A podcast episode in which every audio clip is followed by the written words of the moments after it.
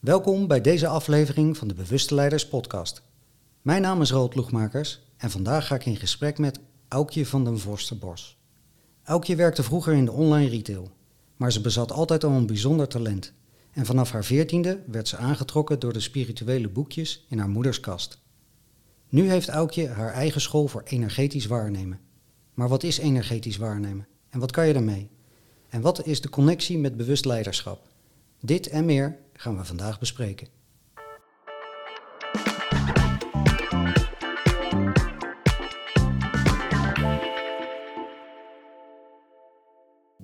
Vind je dit een waardevol gesprek? Help dan het bereik te vergroten en deel de link met vrienden en bekenden via social of app. Hallo Aukje. Hallo. Leuk dat je in de Bewuste Leiders podcast wilde komen. Ja, dankjewel voor je uitnodiging. Nu heeft mijn vrouw Suzanne al heel wat jaargangen van jouw opleiding doorlopen. Ja.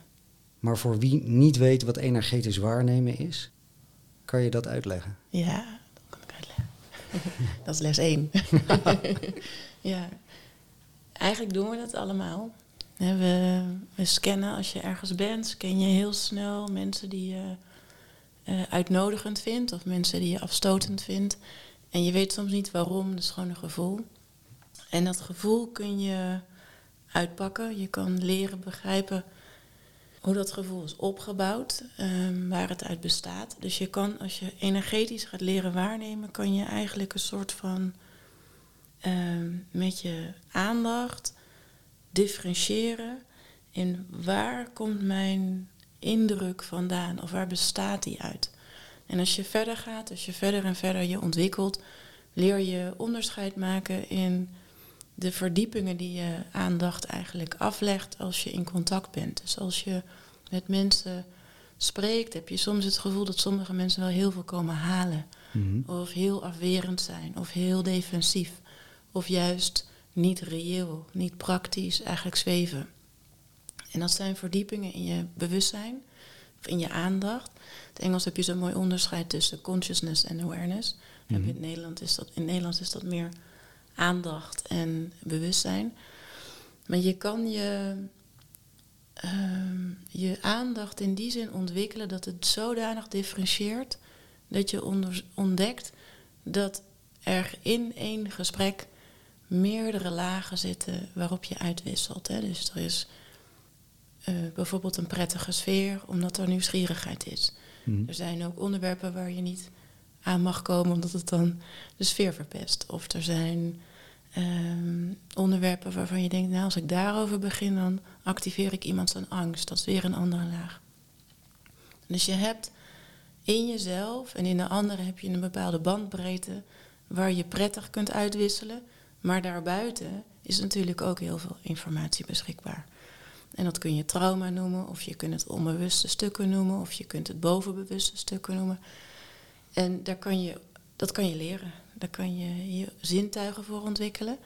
En dat noem je energetisch waarnemen. Dus je kan je zintuigen die je normaal hebt, zien, horen, ruiken, kan je eigenlijk optillen. Een niveau optillen. Mm -hmm. En dan worden ze helderder. Niet omdat je niet verward bent, maar omdat je dan een groter overzicht krijgt. Mm -hmm. Dus helderhorendheid is een soort van luisteren het verleden en de toekomst in. Niet alleen wat er nu gezegd wordt. Of helder weten is dat je ineens iets begrijpt waarvan je nog niet helemaal snapt wat het allemaal inhoudt. Of helder voelen is dat je voelt iemand zegt wel dit, maar hij bedoelt dat en hij is daarop uit en ik voel dat dit me in de problemen gaat brengen. Mm -hmm. Dus die zintuigen die kun je zo ontwikkelen dat je er ook woorden aan kan geven, dat je er uh, uh, uh, dingen mee kunt benoemen die anders eigenlijk onbenoemd blijven. En dat kun je energetisch waarnemen noemen. Dus de informatie die nog niet tastbaar is of die niet in de vorm is of niet, in, niet bewust is, maar ongenoemd, nog niet genoemd, mm -hmm. die pik je wel op, want die is er gewoon. Ja. En taal daarvoor ontwikkelen, dat zou je energetisch waarnemen kunnen noemen.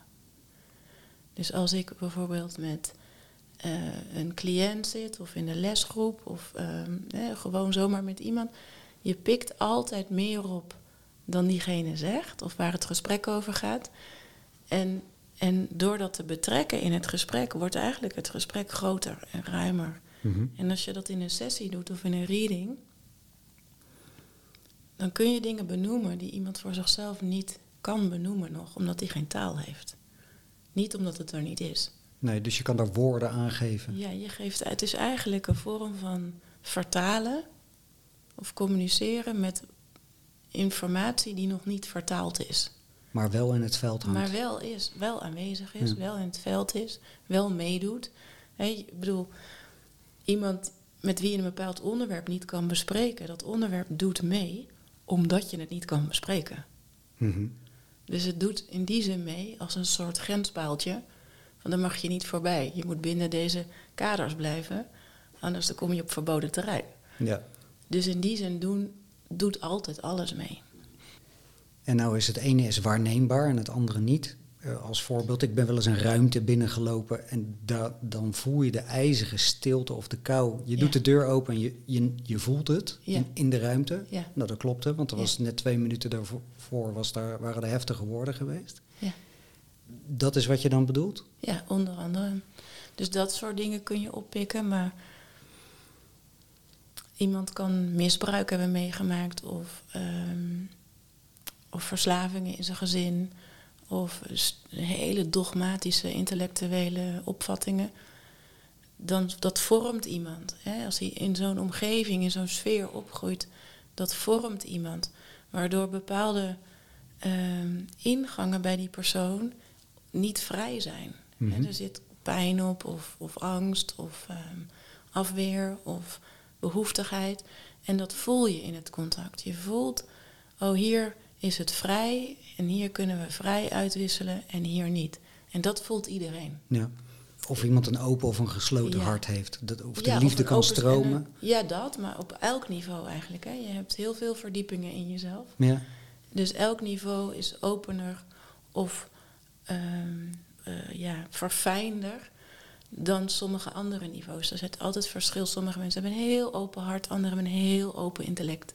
Heel nieuwsgierig, maar heel intellectueel. Mhm. Anderen hebben een heel open buikgebied, zijn heel welkom in, het, in, het, in de verbindingen maken. Verwelkomend. En dus je hebt een aantal verdiepingen waarop je altijd in je leven in ontwikkeling bent. Je bent altijd overal in ontwikkeling, maar soms ligt de nadruk op een bepaalde verdieping in jezelf. Mhm. Bepaald, bepaalde bandbreedte van bewustzijn.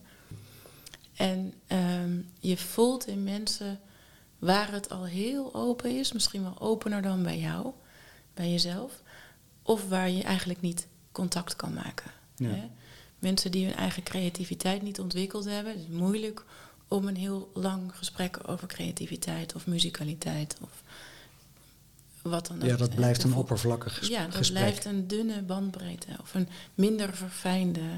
Dus het is niet alleen maar als er iets ergs is gebeurd, het is ook gewoon bewustzijn is waar ben je je bewust van en waar heb je woorden voor, bewustzijn op, aandacht voor, hoe verfijnd ben je daar. Ja. En dat kun je met je heldere zintuigen als mens bij elkaar waarnemen. ja, en ieder mens heeft dat, dat is eigenlijk standaard. Ja, wat mij betreft wel. Oké, Maar niet iedereen heeft zin om het te ontwikkelen. nee. En dat, dat is wat ik net ook in het voorgesprek met je besprak. Ehm het bewustzijnsontwikkeling, dan doe je voor jezelf. En dat is wat mij betreft, maar dan loop ik misschien vooruit op jouw vragen, eh, ook de link met leiderschap. Hè. Dus innerlijk leiderschap ontwikkelen, dat doe je voor jezelf. Mhm. Zodat meer van je talent of meer van je, wat je bij je hebt tot expressie kan komen. Mhm. Dus hoe bewuster je bent van wie je bent, hoe meer je jezelf gunt dat je taal en wendbaarheid en eh, eh, precisie ontwikkelt, zodat je jezelf tot uitdrukking kan brengen. En is energetisch waarnemen is voor jou dus eigenlijk gewoon een bewustzijnsproces op Ja. de meerdere. Ja, de meerlaagse, ja. meerlaagse bewustwording. Ja. En een heel belangrijk onderdeel daarin is dat je jezelf gelooft. Want als je de hele tijd denkt, ja, ik verzin dit maar. Mhm. Ik pik het wel op, maar ik verzin het. En dit is niet waar. Of dit kan niet. Of ik kan dit niet weten. Of ik hoor dit niet te weten. Of dit is spieken in andermans veld. Eh, hoe meer je dat denkt dat het niet waar is wat je oppikt, Ja. hoe minder het mee kan doen. Ja, maar dat is dus een, een, een mentaal, dan, dan komt het Ja. mentale stuk schiet ertussen. Dat ermee aan de haal gaat. ja precies. En hoe kan je dat Ja. dan ontwikkelen? Heb je daar... Ja, door steeds opnieuw de er- eh, succeservaringen te hebben. Dat je denkt, oh, dit wist ik al. Ik heb het zo gezien en nu doet het zich zo voor. Dus als je, eh, hoe verder je in de toekomst of in het verleden informatie ophaalt, hoe minder concreet die is. Hè, hoe, hoe minder gevormd die is. Hm. Dus ehm, hoe meer er ook een risico is dat het zich anders voordoet dan dat je het gezien hebt. En dat maakt het ook onbetrouwbaar. Dat, daar komt het ook vandaan van, ja, je weet nooit hoe het gaat.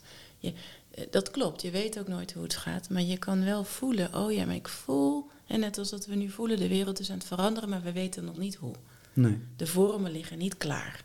Hoe nee maar we, merken wel dat er een Maar je- beweging Maar gaande je is. voelt van alles in jezelf gebeuren van hé, hey, uitgangspunten zijn niet meer vanzelfsprekend. Of hè, succesroutes zijn niet meer vanzelfsprekend.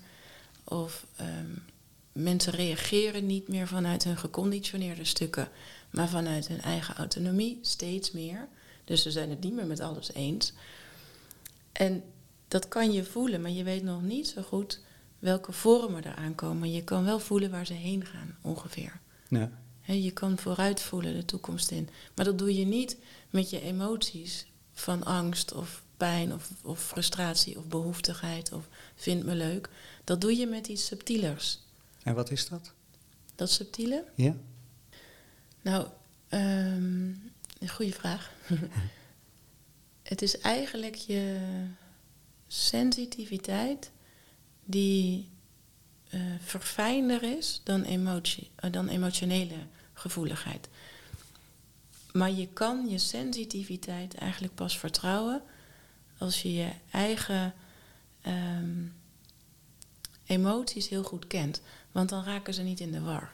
En met sensitiviteit bedoel ik dat je voelt van, oh, ik wil niet meer in een grote corporate werken. Of ik wil niet meer in een systeem werken waar ik dienend ben aan het systeem in plaats van het systeem dienend aan mij. Of ik wil, hè, dat, dat, dat voel je, je pikt dat op met dit klopt niet meer voor mij, Ja. omdat het me niet voldoende groeiruimte biedt. Ik kom daar niet voorbij wie ik nu ben. Dus het geeft me geen ruimte voor groei. Dat Dus je loopt eigenlijk vast. als je bijvoorbeeld gaat solliciteren, denk je, nou dat valt af, dat valt af, dat valt af, dat. Mhm. Want het geeft me geen ruimte voor wie ik denk te worden. Is dat ook waarom... oh, sorry? Dat doe je met je sensitiviteit. Mhm. En je eigen heldere weten in dat je weet, hier kom ik voor. Dat doe je niet met je emoties, omdat je daar een vervelende manager zal krijgen. Mhm. Dat helpt misschien om het te valideren waarom je die keuze niet maakt. Maar je weet het eigenlijk al, dat je daar niet moet zijn en daar niet moet zijn. En dat wel wil. En een andere baan wel wil. Omdat je voelt met je heldere zintuigen waar je moet zijn. Waar, wat je volgende hoorde of je volgende plek moet zijn. Ja, is dat dan je intuïtie volgen? Ja, maar dat vind ik een beetje een containerwoord. Ja, Ja. ja. het, is, het is intuïtieve informatie die je dus kan splitsen in voelen, weten, horen, ruiken, ehm, ervaren. Ja. Ja. Is dat waarom in de huidige maatschappij mensen een innerlijk conflict hebben in van Ja. dat ze ergens in een baan zitten of een huis of iedere dag in Ja. de file staan, terwijl ze eigenlijk Ja. diep van binnen hun authentieke zelf zegt van ja, maar dit, dit is niet mijn pad. niet. Nee. Ja, ja, ja, dat is dat. Ja, en weet je, ehm, ik, ik heb heel vaak, hè, dan heb ik een. ehm, de belangrijkste vraag waar veel mensen mee zitten is: wat doe ik hier? Wat kom ik doen? Mhm. Dat is een hele is de grootste dat is vraag. de grootste misschien. vraag die ja. er is. En dan zitten ze op de bank voor mijn neus en dan gaan we starten. En dan zeg ik, waar kom je voor? Hè? Nou ja, ik wil eigenlijk weten wat mijn purpose is, wat ik hier doe, wat de bedoeling van mijn leven is. Hè, dat zijn de meest existentiële vragen voor het mens zijn. Mhm. En dan stel je zegt dan tegen iemand, nou je komt voor ehm, hè, in eenzaamheid je eigen spirituele bereik ontwikkelen. Dus ja, je huwelijk gaat eraan, je baan, je en je gaat in diepe armoede, want dan is het zo zuiver dat je echt kan voelen wie je bent. Ja. Dat kan je natuurlijk niet zeggen tegen iemand. Mhm. Maar de vraag is ook of je het wil horen. Stel dat het je purpose is. Mhm. Maar als je er eenmaal in zit, dan kan je voelen, ja, ja hier kwam ik voor. Ja, dit is Voor de een ervaring. extreem voorbeeld. Ja, je komt voor de ervaring. Want je ziel, voor de ziel is eigenlijk elke ervaring de moeite waard. De moeilijke, de makkelijke, de gewenste, de comfortabele. Dus als mensen in zo'n conflict zitten, ze zitten in een relatie vast, dan zitten ze eigenlijk altijd in het conflict tussen hun aardse mens zijn en wat de ziel ze toe aanspoort om te gaan ervaren, omdat het nieuw is en de moeite waard. Mhm. Dus ze zitten eigenlijk altijd tussen een oude versie en een nieuwe versie te hangen. Ja, Dat is eigenlijk het conflict waar ze in zitten. ja. En je hogere zelf, zo kun je dat noemen, dat bewaakt eigenlijk het evenwicht van welke angst kan je al aan. Sorry, nee, ik moet anders zeggen. Je intellect splitst die angst in tweeën van welke angst kan je aan en welke nog niet. Mhm. En je hoger zelf geeft je af en toe een poor van nu is het echt genoeg. Hè, nu ga je, nu is deze relatie is verzadigd, hier is niks nieuws te halen. En dan ga je uit elkaar en dan ga je reflecteren op wat het heeft betekend. En dan komt er ruimte voor een nieuwe relatie. En dat geeft ook aan waarom de uitspraak is: je krijgt wat je aan kan. Want dan Ja. ben je klaar voor de, Ja, voor de volgende stap. Hoe Je shit kan- die af en toe ja. ook is. Hoe dik door de modder je soms Maar ook moet gaan. dat is dan het punt dat je dat voor jezelf over hebt. Dat je denkt, ja, beter die modder en die shit en het gedoe Mhm. dan het alternatief. Dat maar was dat nog weten- erger. Ja, maar dat weten de mensen nog niet bij het eerste consult als ze bij jou hier op de bank Nou, komen wel zitten. als ze dat al een paar keer mee hebben gemaakt. Nou. Dan hebben ze wel een besef van, oh ja, dan worden ze zich bewust van hun bewustwording. Dus dan krijg je geduld met de dalen. Mhm. Dan weet je dat een dal of een moeilijke periode je altijd ergens brengt. Ja. En maar dat kan je nooit tegen iemand zeggen van, het is maar goed dat je dat hebt meegemaakt, want anders had je dit niet geleerd. Ja. Dan, dat is zo, zo lelijk. Ja. Ja, dat is zo ruw. Nou, ik kan je- dat wel zeggen over een periode uit mijn eigen Uit leven. je eigen dat ik leven. Zelf achteraf, maar dan zeg ik het zelf. Precies. Ja. En dan heb je het recht van spreken, want je weet wat je voor jezelf hebt over moeten hebben om je te bevrijden van een oude vorm. Ja, dan, dus over jezelf kan je dat zeggen. Ja. Maar als jij het tegen een cliënt zegt, dan... Dat is, Ja, dan, dat kan in een reading, dan moet je heel voorzichtig zijn en heel precies. Ja. En ook de, de tijd benoemen, dat, hè, wat je dan hebt gedaan al voor jezelf. Ja. En rouw kost altijd tijd, bijvoorbeeld. Hè? Of eh, ongeduld, dat is heel vervelend. Maar dan kan je wel zeggen, ja, dat ongeduld heb je nodig om frustratie op te bouwen, zodat je straks het risico aandurft Ja. als het misgaat. En je kan, je, dus soms denk je, oh, nou weet ik hoe het zit, of nu weet ik wat ik kom doen. Nou, dan moet dat morgen ook gebeuren. Mhm. Maar eerst moet je nog verdragen dat je misschien afgewezen wordt door de maatschappij. Dat niemand begrijpt waarom je dat doet of wil. Mhm. Je moet ergens leren dat je er niet bij hoort. Nou, je moet er durven niet bij te horen. Ja, die worden. beweging hebben we de afgelopen twee jaar maatschappelijk natuurlijk wel voorbij zien komen. Ja, die hebben, die hebben veel mensen uitgezocht, die beweging. Sowieso hebben we natuurlijk de afgelopen twee jaar heel veel kunnen leren. Iedereen heeft iets kunnen leren. Mhm. En, ehm, en kunnen spiegelen. En allemaal paadjes gezien waar die niet in wilde lopen. En paadjes gezien waar je wel in wil lopen. Ja. Ja. Of toch weer terug. Of weer terug, ja. En dat is ook nieuw hè, in deze tijd. Vroeger liep je een pad in en je kon niet terug. Dat was gewoon maatschappelijk bepaald. Dit is een pad, dit is de route. De familielijn. De familielijn, de conditioneringen, de verwachtingen rondom maatschappelijke status of pro- baanroutes, hè, Mhm. carrièreroutes.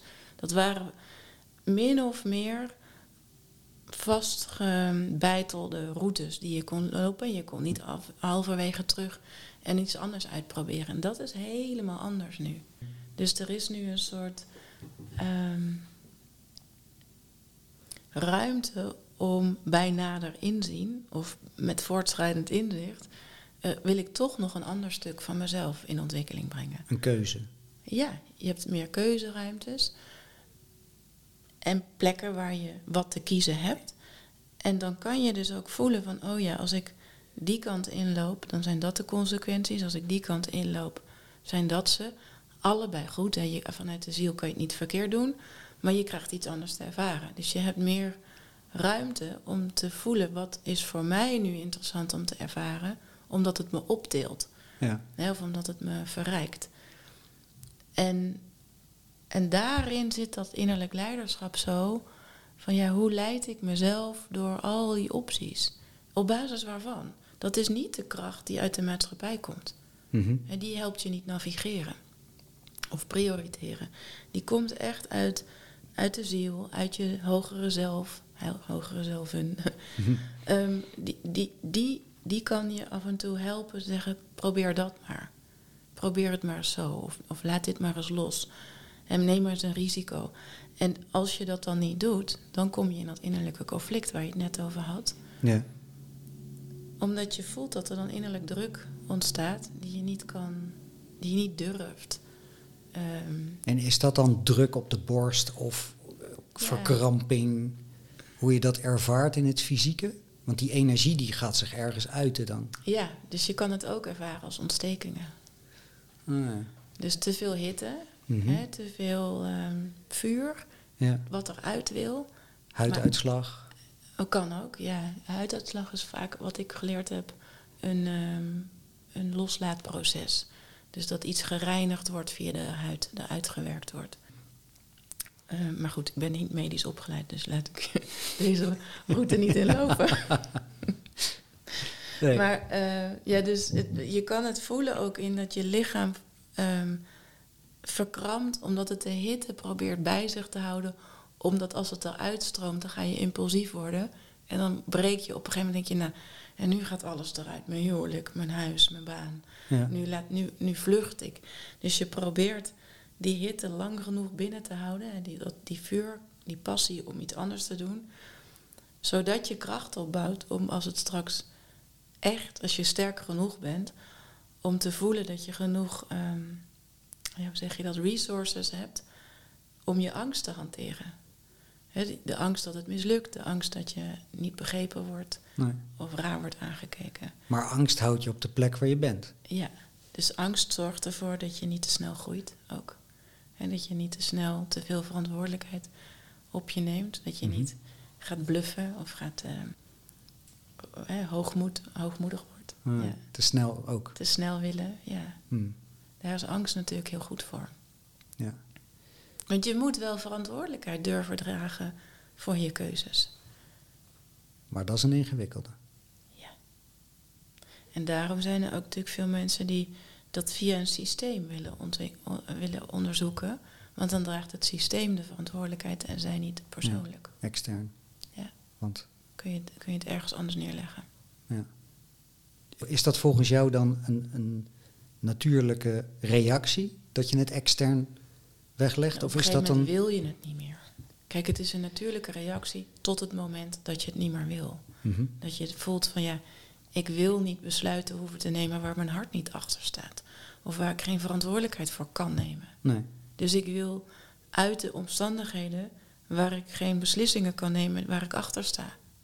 Ja, dus, eh, en dan is het, als ik dat snel voor mezelf vertaal, dan is het als het ware het poppetje in het systeem dat eigenlijk autonoom zijn eigen route wil gaan volgen. Ja, dan stap je uit die context. Elk systeem is anders, maar dan stap je uit de context waarin je hart niet meer klopt bij het gebrek aan verantwoordelijkheid wat je kan dragen. Ja. En voor waartoe je in staat bent. Nu zei jij net over als er, een, als er een cliënt bij jou voor een reading komt. En toen dacht ik, ik ga het toch gewoon even vragen, want misschien zijn er luisteraars die die link ook leggen. Ehm, dat er mensen zijn die de koppeling leggen tussen een soort waarzeggerij. Oh ja, ja, dat is natuurlijk. Dat is niet wat je doet. Nee, en Maar- dat, is, dat komt voort uit dat je niet weet wat het is. Mhm. Want uiteindelijk is. ehm, kijk, ook in dit vak heb je mensen die diep, diep, diep zijn opgeleid in therapeutisch werk, psychologisch werk, bewustzijn, spirituele teksten hebben gelezen, noem maar op. En je hebt mensen die roepen alles wat er door ze heen komt, wat ze voelen en alles ertussenin. En iedereen, ook in dit vak, zijn mensen onderweg. Mhm. Hè, van eh, zomaar wat roepen tot aan heel precies, heel bewust, heel zorgvuldig omgaan met de ziel van de ander. En er zitten ook gradaties in, net zo goed als dat je op alle professionele vlakken gradaties hebt. Hè?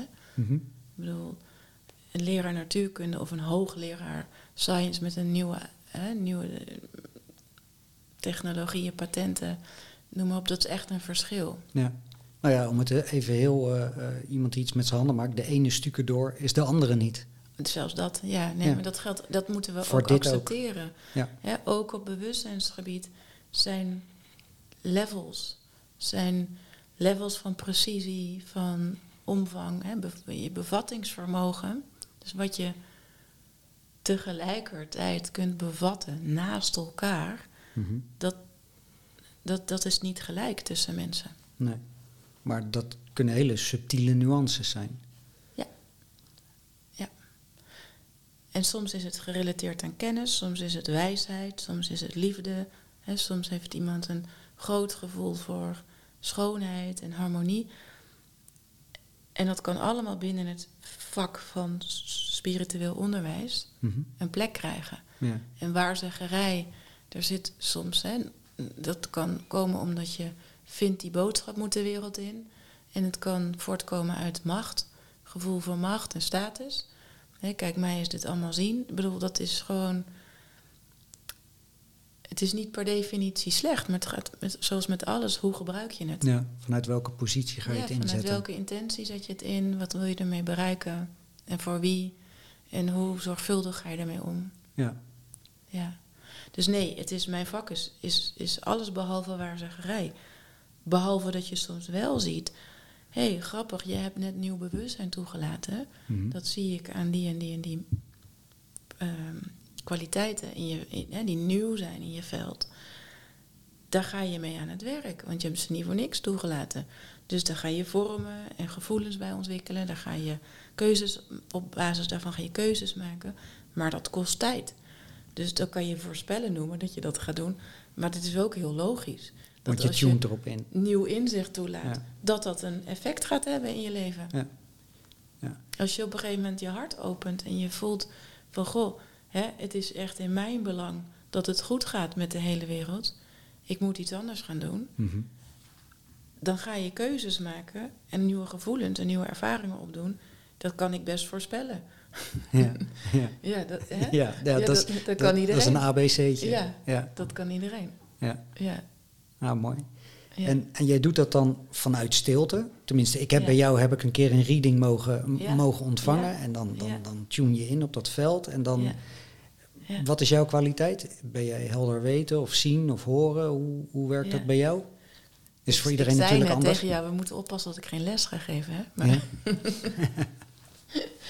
Ja, nou, iedereen heeft wel een beetje een voorkeursingang. Hè? Ja. En bij mij is dat helder weten, dus dan komt het als een soort van, ik noem het maar een soort bak download, komt het binnen. En dan moet ik dan daarna uit elkaar gaan trekken Hmm. in een reading. Dus dan ga ik het eigenlijk alsof je een database downloadt en die moet ik openmaken. En dan kijk ik, oh ja, deze folders staan erin, deze files.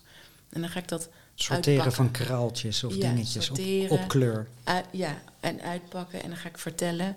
En dan zie je ook tijdens een reading dat soms dingen specifieker worden hè, of, of, of op meerdere manieren verteld. Ja. Dus dat je de gelaagdheid gaat zien. En een reading is heel multidimensionaal. Dus je voelt dat het klopt, maar als je het dan vervolgens over een half jaar nog een keer luistert, dan hoor je het toch weer dieper. Hmm. Of anders. Ik weet niet hoe jij dat hebt ja, herkenbaar. ervaren. Ja. Ja. Ja. Heb je hem nog wel eens nageluisterd? Eh, een stukje. Ja. Ja. Ja. En Suzanne die had hem laatst eh, ehm, teruggeluisterd en die kwam toen ook met, eh, met andere feedback dan. eh, Ja, dus die hoorde ook eerst. iets anders weer dan Ja. jij. ja, Dus, ja, dus moet- dat is constant in beweging. ja, en dat is ook echt kenmerkend voor energetisch waarnemen. Je moet echt voorbij, is het waar of is het niet waar? Ja. Want dat, dat is niks, waar of niet waar. Dat is een momentopname, dat heeft, is heel erg contextafhankelijk. En als je weer verder bent in je leven, dan voel je, oh ja, dat is het ook nog.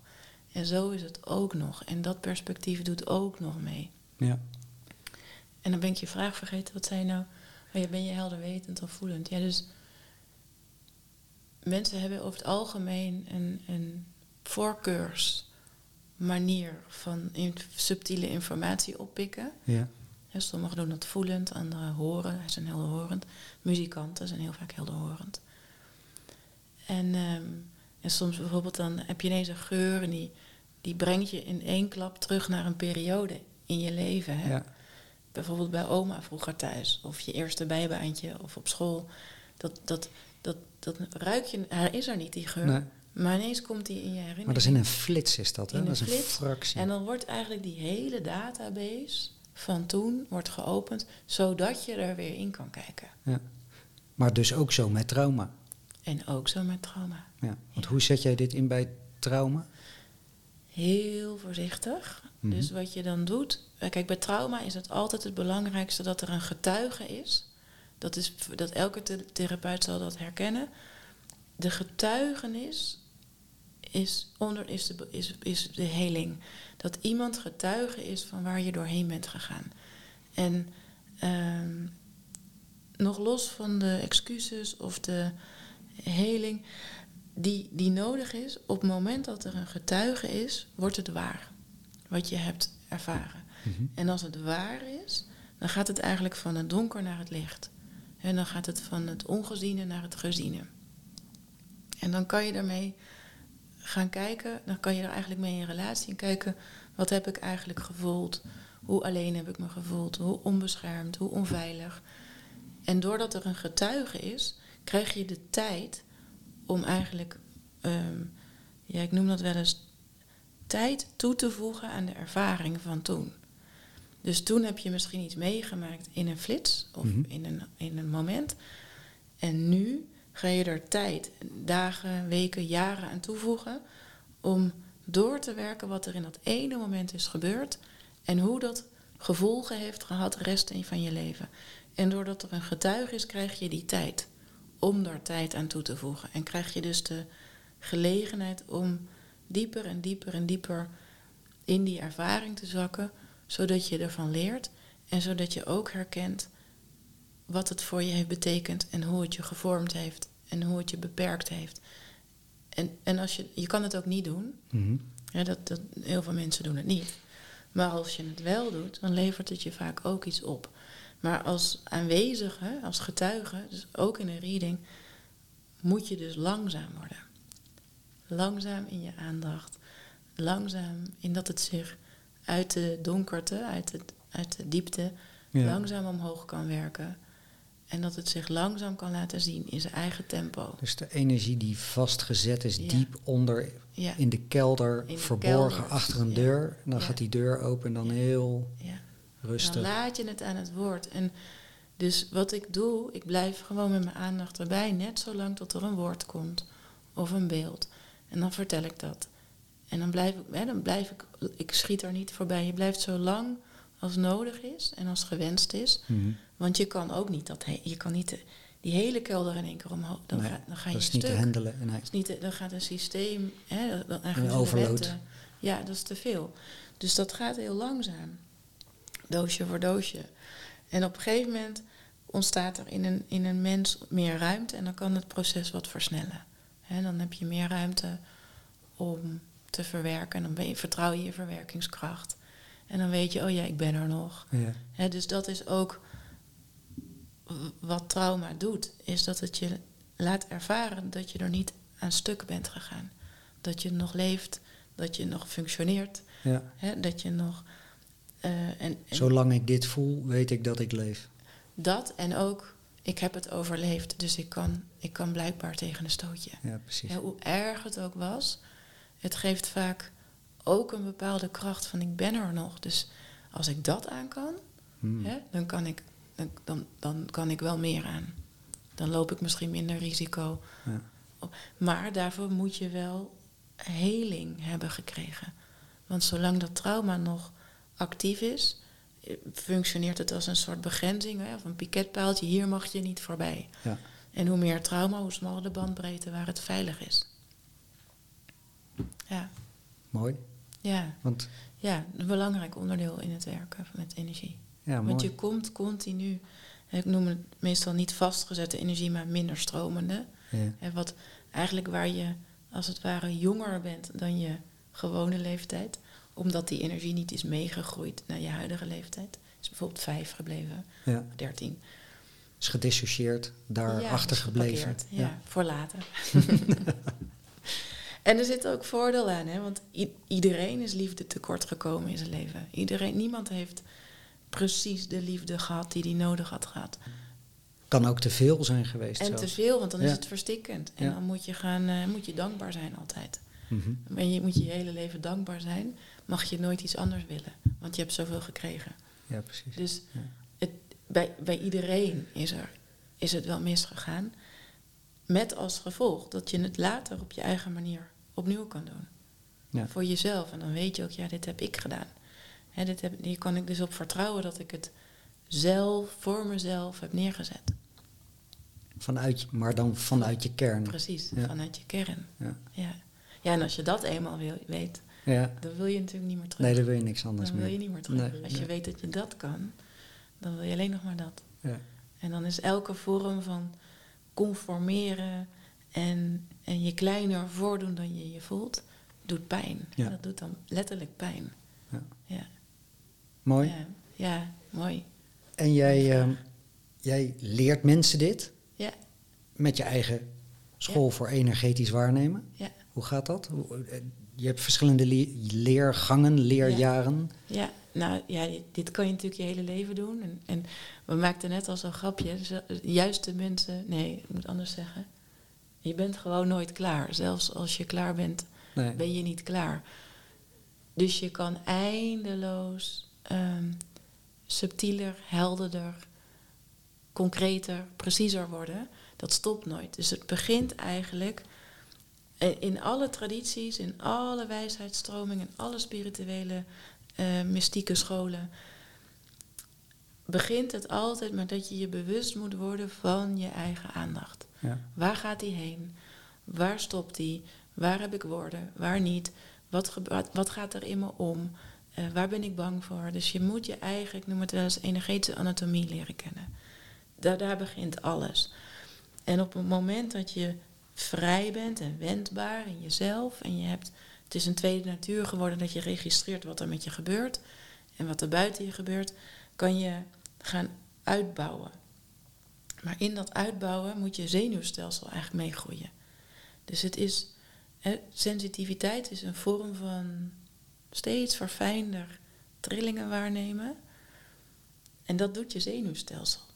Dus ik kan je je voorstellen als je ineens een bak licht of, of, of trillingen op een zenuwstelsel loslaat wat niks nog kan verdragen. Niks kan absorberen. Dan knapt het. Dan Ja. ben je gewoon overbelicht of geëlektrocuteerd. Hè? dus dat moet groeien. Dat is gewoon training, training, Tijd training, nodig. training, tijd. Reflectie, heen en weer bewegen tussen verleden, heden, toekomst met je aandacht.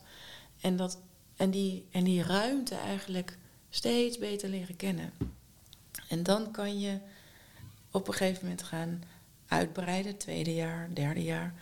En dan ga je op een gegeven moment je eigen informatie ophalen. En dan komt het niet meer uit boeken, maar dan voel je van, als ik een vraag heb, dan kan ik daar gewoon met mijn aandacht naartoe reizen. Mhm. Ik kan me daarmee verbinden, ik kan daar vragen stellen en ik krijg gewoon een antwoord. Ja. En dat is, we- we- als mens ben je cumulatief, dus je bent altijd al je leeftijden tegelijk eigenlijk. Hè? Maar de aarde is dat ook. Dus je, je kan eigenlijk in al die archieven, kan je met je aandacht, kan je rondneuzen en vragen stellen. Ja. Naar het verleden toe en naar de toekomst. Dus het gaat eindeloos door. ja, Ja. tof. Maar zo'n opleiding, het begint altijd met dat je je eigen behoefte aan erkenning leert kennen. Hè? Dus dat je, waar je chantabel bent. Mhm. Waar je, als je een beloning krijgt, dan ga je voor de bel. als je status krijgt, dan ga je voor de bel. Oh, mooie baan, nou laat ik die maar nemen. Ja. Ook al klopt het niet met mijn innerlijke doelen. En dan voorzien je weer een reden waarom je dat dan toch moet doen. Mhm. Dat moet je allemaal leren kennen. Waar je chantabel bent, waar je te verleiden bent. Waar je zwicht voor uiterlijke erkenning. En dat leren kennen, zodat je ook leert kennen wat je nog meer wil dan alleen maar dat. Dat, dat is heel belangrijk. Ja. Want dan weet je van, oh ja, nu kies ik mijn innerlijke route en nu kies ik een uiterlijke route. Dus eigenlijk, als ik hem even plat sla, als het mag, dan is jouw eerste jaar, als het ware, de eerste leergang, is, is echt, dat gaat over bewust leiderschap, persoonlijk Ja. leiderschap. Ja, ja, Dus eigenlijk is de, Ja. ja, het energetisch waarnemen en de zelfontwikkeling die, die je aangaat. Ja, is de basis voor alles. Of je nou daarna een therapeut wordt of eh, kunstenaar of architect. Of als je echt iets wil creëren waar je angst op kunt voelen dat je niet capabel bent, niet vaardig genoeg, afgewezen wordt, dan zal je ergens in jezelf die krachten moeten vinden die waarde, meer waar zijn dan wat de maatschappij daarvan vindt. Ja, En dat begint met energetisch waarnemen van je eigen materiaal. van je eigen systeem. Ja, van je eigen systeem. En hè, dat, wat er gebeurt als je dat zo in een eerste jaar gaat doen, dan ga je kalibreren. Dus dat je beeld van wie je wil worden, of wie je denkt te kunnen worden, klopt met de gevoelens die je over jezelf hebt, klopt met hoe je je wilskracht aanwendt, klopt met waar je blij van wordt en enthousiast en eh, waar je, wat je graag doet, klopt met je vaardigheden en waar je bekwaam genoeg bent, dat dat met elkaar, hè, dat moet een beetje met is. elkaar aligned zijn. Ja. Want anders gaat het alle kanten op. En dan ga je mensen ehm, manipuleren. Of dan ga je mensen dingen beloven die je niet waar kan maken. Of je gaat jezelf kleiner voordoen dan je bent. Of je gaat bluffen. Dat, ja, en wat voelen we allemaal? We voelen allemaal de mensen die zichzelf opblazen. En dat je denkt, ja, dat is niet nodig. Nee. Ik geloof het toch niet. Of je nou wel of niet jezelf opblaast. Maar die blaast zich op voor zichzelf. Ja, Ja. ja, om iets alvast af te dwingen of zo. Terwijl je zelf van binnen voelt dat je het nog niet, nog niet waar kan maken. Nee. Of bang voor intiem contact. Bang voor hè, oprechte openheid of oprechte verbinding. Dus Want dan ben je naakt. In relaties, verbindingen in relaties. Ja, maar ook, ook eh, directieteams. Hè. Ik werk natuurlijk ook Ja. veel met bedrijven. Zie je vaak dat er gewoon altijd wel iemand is die probeert iets hoog te houden. Om wat voor reden dan ook. Is dat dan een saboteur? Of Nou, is dat gewoon iemand die zijn eigen shit inbrengt in het corporate systeem? Ja, dat is verschillend. De ene keer is het angst voor ehm tekortschieten. Angst dat je niet voldoet. De andere keer is het dat je je ergert en dat anderen niet snel genoeg zijn. Dat ze je niet bij kunnen houden. Mhm. Van wat zijn jullie dom. Omdat ze die lagen daaronder van verbinding niet meetellen.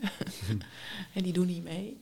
Of, en weer een andere keer is het omdat ze gewoon niet, niet beter weten. Is het gewoon onbewustheid. En manipulatie is natuurlijk iets anders dan onbewustzijn of onwetend. Maar ehm, ja, vaak zie je wel dat er bijvoorbeeld... Nou, dat er altijd rollen in, in elk team zitten, zijn rollen. Hè. De een is de sta- stabiliserende factor, de ander is de, de duwende, eh, versnellende factor. Weer een ander zegt, ja, ja, maar we moeten niet te snel, want... Dus eigenlijk ook in een, in een goed team worden alle bewustzijnslagen vertegenwoordigd. En dan moet je gaan kalibreren dat ze van elkaar snappen hoe het samenpast. Dat het in verhouding is. En dat, Dat het het dus een groepsbewustzijn Ja. is wat ze neerzetten. Ja, want jij doet dus readings op, op teams, maar ook hele bedrijven. Ja. En dan, dan kijk je naar de energie, naar het veld en hoe het zich Het is daarin allemaal zit. energie. Het is gewoon informatie. Ik noem het wel eens informatie in beweging. En dus je kijkt veel meer naar de bewegingen naar, dan naar wat is het. Mhm. En, en die informatie die kan je vertalen. Of je nou naar een mens kijkt, of naar een dier, of naar een landschap, of naar een bedrijf. Je kan dat leren vertalen in woorden. En juist doordat je het woorden geeft, kunnen mensen er bewustzijn op ontwikkelen. Kunnen ze ermee werken, kunnen ze het doorgeven. Kunnen ze het aan anderen uitleggen. Ja. En Ja. tover jij dan wel eens iets op tafel wat onbesproken is, maar Ja, eigenlijk ja. iedereen in de onderstroom al lang wist? Ja, ja, ja. Continu. Ja, dat is eigenlijk. En in de bovenstroom, hè? Dus ook dat je ambitie kan optillen. Want dan kan je soms ineens voelen: oh ja, maar we zijn maar incrementeel aan het veranderen de hele tijd. Maar eigenlijk verlangen we allemaal naar een hele grote expansie. En hoe we dat, als we dat maar erkennen, dan kunnen we ook andere processen gaan inrichten. Of dan kunnen we daar risico nemen en daar juist niet. Ja, als je, maar zolang je nog probeert incrementeel soms naar iets toe te groeien, terwijl dat eigenlijk ook niet klopt, Mhm. dan wordt iedereen ook gefrustreerd. Hè? Beetje zo je huwelijk redden met relatietherapie, terwijl je weet het is eigenlijk al klaar. Terwijl je eigenlijk al met... Super Ja, frustrerend. de Ja. koffer staat al buiten. De koffer staat al buiten. Ja. Je hebt eigenlijk ook al huis op het oog. Ja. En dan nog even relatietherapie. Dat is kansloos eigenlijk. dan moet je dus ook gewoon... Het gaat dus ook over eerlijk zijn naar jezelf. Ja. Ja. ja, of voelen. Van, ik moet het gevoel hebben dat ik er alles aan gedaan heb om tevreden te zijn met minder. Mhm. En, ehm, en, en, en dat kan ik doen door hè, de geëikte route. Ik ga nog even in therapie of ik haal er een consultancy eh, bij. Mhm. En dat is hetzelfde.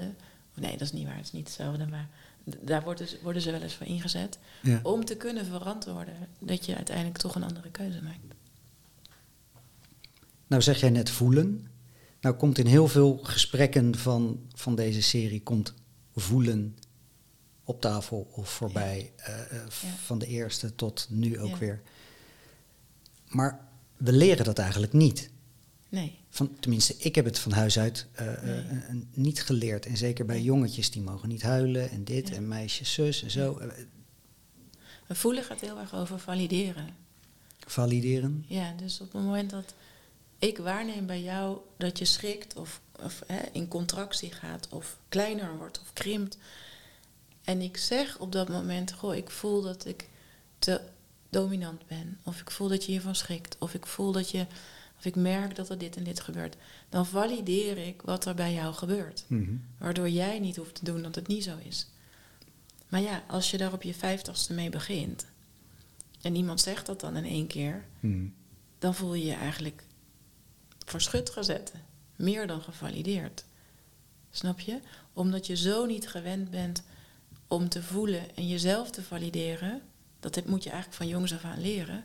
Dat je dat je, je gemakkelijk voelt bij dat anderen doorhebben hoe je je voelt.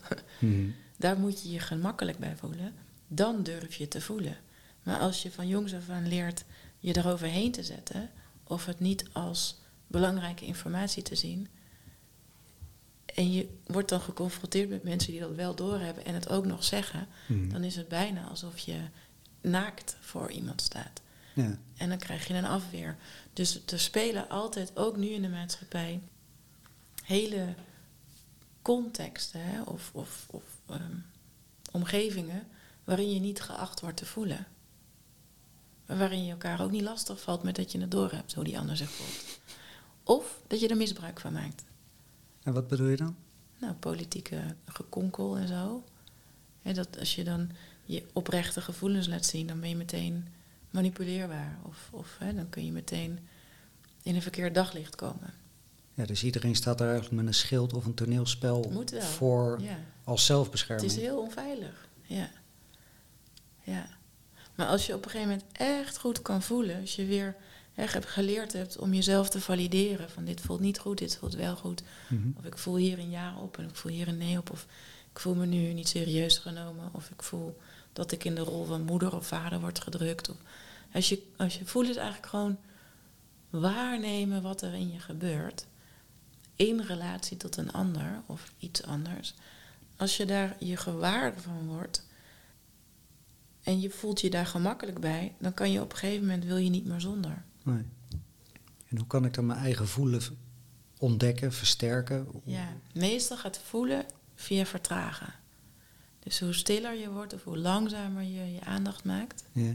dat kan. je kunt je aandacht langzamer maken. Hoe meer tijd je hebt om even te registreren wat er met je gebeurt. In de stilte hoor je alles. Ja, ja de stilte is eigenlijk waarin alles samenkomt. Hè? Mhm. Dan heb je toegang tot alles.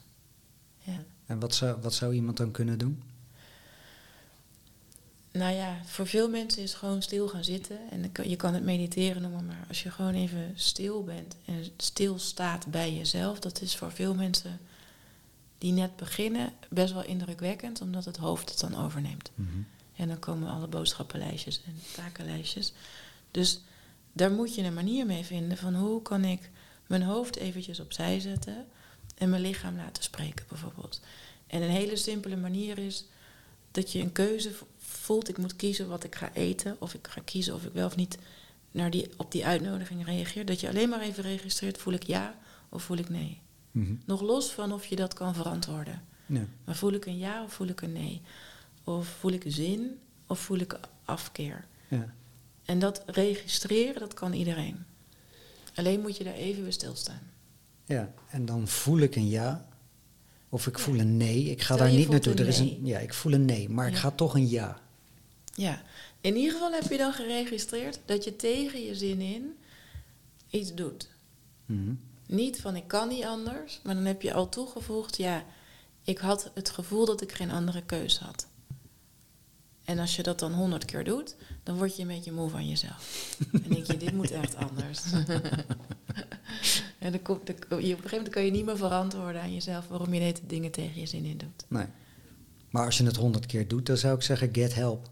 Tuurlijk. Want Tuurlijk, als na help. honderd keer... Als je het nog niet, als je het nog niet weet, hoe je, hè, als volwassene, Ja. nog niet weet hoe je uit je onmacht eh, moet stappen, ja, dan moet, je, dan moet je misschien hulp gaan vragen. Ja. Want dan zit er misschien iets waarom je denkt dat het hele leven aan je voorbij gaat als je je eigen belangen dient. Of je kan niet tegen de reactie van de ander, hè? dat je zo bang bent voor de, de boosheid of de reactie van de ander, Ja. dat je maar. En, en heel veel vrouwen doen dat natuurlijk. Hè. Of mannen ook, maar vrouwen ook. Die willen zo graag verbinding dat ze hun grenzen steeds opschuiven. Mhm. En eigenlijk ga je dat dus uit verbinding met jezelf. Tuurlijk, ja. Dus hetgene wat je wil, Ja. is eigenlijk... Ja, dan ga je uit verbinding met wat, wat jij komt doen. En dan komen ze bij iemand. Hè? Ja, ik weet niet hoe ik mijn leven inhoud moet geven. Ja, dat begint bij gewoon jezelf serieus nemen. Ja. Als je geen zin hebt, dan ga je niet. En voor de een moet dan een smoes verzinnen. En de ander zegt gewoon eerlijk, sorry, het lukt me niet. Ik ben te moe. Ja, en dat is op, op een gegeven moment natuurlijk ook wel een niveau wat je van jezelf mag verwachten. Dat je kan Mhm. kiezen. Ja. En dat je kan kiezen, nu moet ik echt gaan en hier wil ik gewoon niet bij zijn. Nee. Maar als jij zegt, nou moet ik een smoes verzinnen, als je om nee te zeggen... Dat, Ja, dat is ook een niveau van. Ja, maar daar zit ook een. Dat, dat is onzuiver wat, wat dat betreft eh, Ja. voor mij. Dus als, als, als echt over bewust leiderschap, dan, zit, dan valt voor mij persoonlijk de, sm- de smoes af, zeg maar. Ja, en toch is dat niet waar. Want die smoezen die hebben heel veel verschijningsvormen. Subtiel. Ja, want soms is het ook een smoes.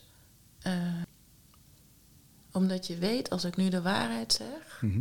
dan maak ik zoveel stuk. En daar kan ik nog geen verantwoordelijkheid voor nemen. Hm. Dus een smoes voor een avondje, een etentje, dat is een heel ander niveau smoes dan heel eerlijk zeggen wat je van de relatie en de inhoud van, met iemand vindt. Ja. ja, dus in plaats van. ehm, En dan is meebewegen soms gewoon even tijd trekken. Ja, het wel precies. durft. Maar dat kan. Oké, maar dat kan ook inderdaad gewoon het proces zijn. Ja. Ja. Nou, goed Ja. voor deze nuance. Ja. Ja. ja. ja, smoezen zijn ook een beetje, zijn natuurlijk toch ook kuddedieren. Hè? Dus smoezen zijn ook wel gewoon nodig als lijm. Hm. Hè? Om niet de hele tijd alles te triggeren. Nee. Ja. Nee, oké. Ja. Die school voor energetisch waarnemen van jou? Ja. Jij zei in het voorgesprek van, ehm, ja, eigenlijk was dat gewoon een logisch gevolg van Ja. alle jaren Ja. voorbereiding, trainen, oefenen. En het was gewoon wachten op het moment Ja. om, om de volledige overstap Ja. te doen. Ja, ik weet nog dat jij vroeg van wat is het moment geweest dat je wist dat je dit ging doen. En dat is eigenlijk gewoon altijd wel aanwezig geweest. En ook, nou vooral innerlijk zo'n zo'n eh, barometer van is het zuiver, is het niet zuiver wat ik hier aan het leren ben. Zonder dat je weet wat zuiver is. Maar dat is een soort van gevoel. En toen gaf ik eigenlijk al heel lang gaf ik readingen en ik speelde er ook mee met wat kan ik al wel zien, wat kan ik nog niet zien, waar heb ik al woorden voor, waar nog niet. En toen ging ik op een gegeven moment, en dat was wel een moment, wel een soort pivotal point van dat ik ergens werd uitgenodigd en ik zat te luisteren naar die mensen. En toen dacht ik, ja, dit kan ik wel beter. Misschien niet net zo groot als jullie, met 700 mensen in de zaal. Ja. Maar kan het wel inhoudelijk kloppender. Dus toen dacht ik, ja, dan heb ik nu ook geen excuus om nog te wachten. Weet Mhm. je wel? Dus dat was wel zo'n por van mijn hoger zelf. Van, nou, neem het risico maar dat het mislukt. ja, go. En dat je voor gek staat. En dat mensen er wat van vinden. En dat mensen niet begrijpen wat je doet. En neem dat risico maar. Hoe vond je dat, dat mensen niet begrepen wat je deed? Je had, je had een goede baan en toen... Nee, ik wat- was op dat moment niet meer in een baan. Dus dat maakte ook de gelegenheid wel. Oh, daardoor was er ruimte. Daardoor was er ruimte. Dus ik kon of weer in een nieuwe opdracht stappen. Ik was ZZP'er. Of ik kon dit gaan proberen. Toen dacht ik, ja, ik kan het in ieder geval proberen. Nou, dat is aardig uitgepakt, toch? Ja, dat ging ook heel stijl omhoog, die lijn. Ja. Ehm, maar, eh, wat, wat vroeg je nou net? Ehm, Nou, wat, wat, hoe, hoe, de dat kwam. omgeving daar Ja, eigenlijk Op, re- op reageerde. ja. Nou, ik weet dat mijn ouders na vijf jaar dachten: Oh, dus je verdient er echt geld mee. Dus die hadden echt tijd nodig om het serieus als een baan te zien. Die dachten: van dit is nog een soort van uit de hand gelopen hobby. Ja. En zo waren er wel meer mensen die dachten: het is iets tijdelijks wat je aan het doen bent. En wat fijn dat het toch zo goed gaat. Ehm, en je hebt ook altijd mensen in het begin die je in het zadel helpen. Hè? Dat heeft Mhm. iedereen. Ja. Je hebt altijd één of twee, en Die ik, in mijn geval had ik aan. er tien, die zeiden, ja hoor, ik ga wel in je eerste lesgroep zitten. Ja. ik geloof wel dat het leuk is. En die, die gingen daar zitten en die, die hielpen me in het zadel. Hè? En, en ik, ben, ik heb gewoon eigenlijk dat eerste lesjaar meegeschreven met die groep. En elke keer gedacht, oké, nou gaan we nu maar dit doen. Want er was natuurlijk niks. Mhm. En van daaruit de volgende en de volgende en de volgende en de volgende groep. En op een gegeven moment dacht ik, oh ja, er is ook nog zoiets als groepsdynamiek. En daar ben ik eigenlijk helemaal niet in opgeleid. Dat moet ik ook gaan leren. Dus er komt een heleboel bij, gaandeweg. Hè? En als ik nu denk, waar ik nu sta en toen in het begin. Ja, dat is een wereld van verschil. Ja. Maar iemand moet je in het zadel, iemand moet die por geven. En, die, en Moet je hebt mensen beginnen. nodig die je in het zadel helpen. Ja. En dan, dan begin je maar gewoon, hè. En ehm, ja, maar dat is wel voorbij het punt van... ehm, ik moet eerst dit op orde hebben, ik moet eerst dat weten. eh, Ja. Ik moet genoeg, ik moet dit Ja. boek nog lezen, ik moet die Ja. opleiding nog doen. Maar dat is afleiding. Weet je wel, als je dat allemaal blijft denken, dat is eigenlijk dat intellect wat je angst verdeelt in twee bakjes. Dit kan ik wel aan, dit kan ik nog niet aan. Ik moet meer weten, want anders Ja. ben ik niet goed genoeg. Of ik moet eerst een website, of ik moet eerst dit, of ik moet eerst een secretaresse of een assistent. Wat anders. Ja. Ja, dat is allemaal afleiding. Ja. Ja. Allemaal kostenposten. Ook, ook. Maar Doe- ook gewoon jezelf, aan jezelf verantwoorden waarom je nog niet die stappen hoeft te maken. Dat is helemaal niet nodig. Nee. Ja, en de wereld, weet je, zullen altijd mensen zijn die het belachelijk vinden wat je doet of het niet geloven. Iedereen heeft toch wel een mening. Dat maakt niet uit. Maar- Ja, als je je daardoor laat tegenhouden, dan kan je eigenlijk alleen maar op de bank blijven zitten. Ja, want het is, voor, het is nooit goed. Er zijn altijd mensen die het Ja. raar vinden of Ja. die het te veel, te weinig, niet goed genoeg, te laag, te hoog niveau. Ehm, ja, dat is altijd. Dus ik denk voor elk vak. Ja. Ja, Nou begonnen we het gesprek in dat er een beweging gaande is, zeg maar, die waarneembaar is Ja, oh ja. in de wereld. ja, Ehm, dat wordt wel eens de nieuwe, de nieuwe wereld of de nieuwe aarde of welke naam eh, je eraan geeft. Hoe, hoe zie jij dat voor je? Ja, er komen natuurlijk metaforen. De metaforenstroom voor die nieuwe wereld is echt eindeloos. Dus niks, red- niks haalt het bij wat het wordt. Maar ik denk, er zijn een paar dingen die gebeuren. We komen uit een bewustzijn waarin homogeniteit, geconditioneerd gedrag was de norm. Mhm. Afgelopen decennia hebben we de individualiteit, dus we zijn gaan diversificeren, differentiëren. Dus we hebben onze individualiteit heel erg leren kennen en sommigen redden het wel, sommigen redden het niet. Met ellende als gevolg, maar we zijn ons bewust geworden van hé, er zijn andere krachten die ons aanzetten tot iets dan alleen maar de buitenwereld. Dus er is een onderscheid gekomen tussen binnen en buiten.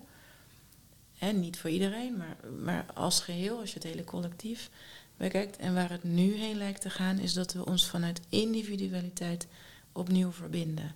Dus dat we gaan voelen, oh, we gaan een acceleratie in als je je individualiteit rechtop weet te houden in verbinding tot anderen. Dus dat de waarin ben jij anders dan wat er al is, geeft veel meer mogelijkheden tot groei dan waarin ben je hetzelfde.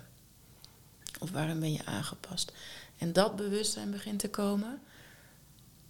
En een andere manier om, te, om het te noemen is dat we onderzoeken hoe de vrouwelijke energie aanvullend kan gaan zijn in die mannenwereld. Mhm. En welke perspectieven komen er dan bij? Omdat het vrouwelijke eigenlijk, ehm, ja, zoals ik het wel eens probeer te verwoorden, is het vrouwelijke is gespecialiseerd in resonantie. Dus door hè, vrouwen lijken er meer te kunnen voelen of te registreren, in ieder geval op het moment, van hun gevoelsvariaties. En dat is eigenlijk eh, een andere manier om te zeggen: vrouwen kunnen zich ontwikkelen, ehm, dat ze een soort stemvork worden op allerlei resonanties. Hè? En hoe meer resonanties je herkent, hoe meer je kunt voelen: dit is een toekomstige resonantie, die hoort bij het verleden, deze heeft toekomstwaarde, deze niet. En hoe meer je dus ook kunt voelen: dit moet kapot en dit moet blijven en dit moet gebouwd.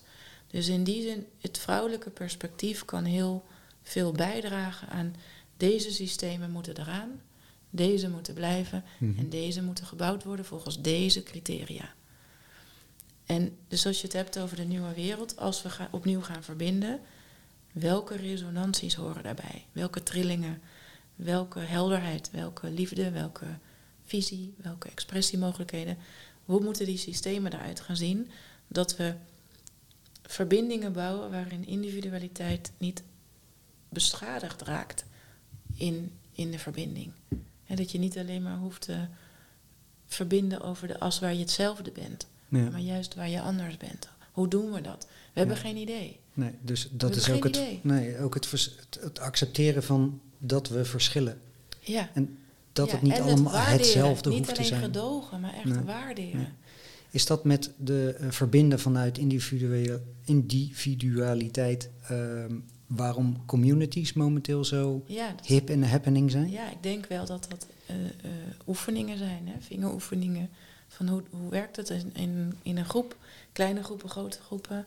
Als Mhm. je met verschillende lagen van bewustzijn eh, samenleeft, Ja. hoe kun je toch hè, ieders bewustzijnsniveau eren? Je gaat ook niet tegen. hè, je, je- je moet leren met elkaar harmonisch te, samen te leven. Ook al is de ene boom en een andere een gaspriet. Hè? Of Mhm. eh, ook in de ecologie zie je dat het. Er zijn harmonische gehelen die, wer- die wel continu in beweging zijn. Ze niet statisch, maar er is wel harmonie. En ze hebben allemaal een functie. En ze hebben allemaal een functie. Ja. En dat gaan zien, dat, hè, hoe we dat moeten doen. En nu hebben we dat mentaal georganiseerd. Hè, in hiërarchieën en in status en in uiterlijke vormen. Maar we hebben ook innerlijke hiërarchieën. En die hebben we te onderzoeken. Ja, ja dat, dus we bewegen ook echt, dat zien we natuurlijk ook al een tijd, van buiten naar binnen. Mhm. Dat die binnenwereld net zo rijk en gevarieerd is als die buitenwereld. Ja, Ja, mooi. ja mooi. Ja. Ik vind het een mooie afsluiter. Ja, ja, de nieuwe wereld. ja. Ja, Hij is er al, hè? ja hij is er al. Ja. Hij, hij is zich aan het, hè, Aan het vormen. vormen. Ja, Ja. precies. Ja. En voor iedereen die nu leeft is dat natuurlijk echt... kan je heel nieuwsgierig naar zijn of heel angstig. Ja. Ja. Het is in ieder geval een mooie tijd. leuker. In beweging. Ja. In beweging, ja. Mooi. Aukje, ontzettend bedankt voor dit mooie gesprek. Dankjewel, het was leuk. Dankjewel. Ja, leuk. Vind je dit een mooi gesprek? Deel het dan en abonneer je op het Bewuste Leiders podcastkanaal, zo mis je geen aflevering. Dankjewel voor het luisteren en tot de volgende keer.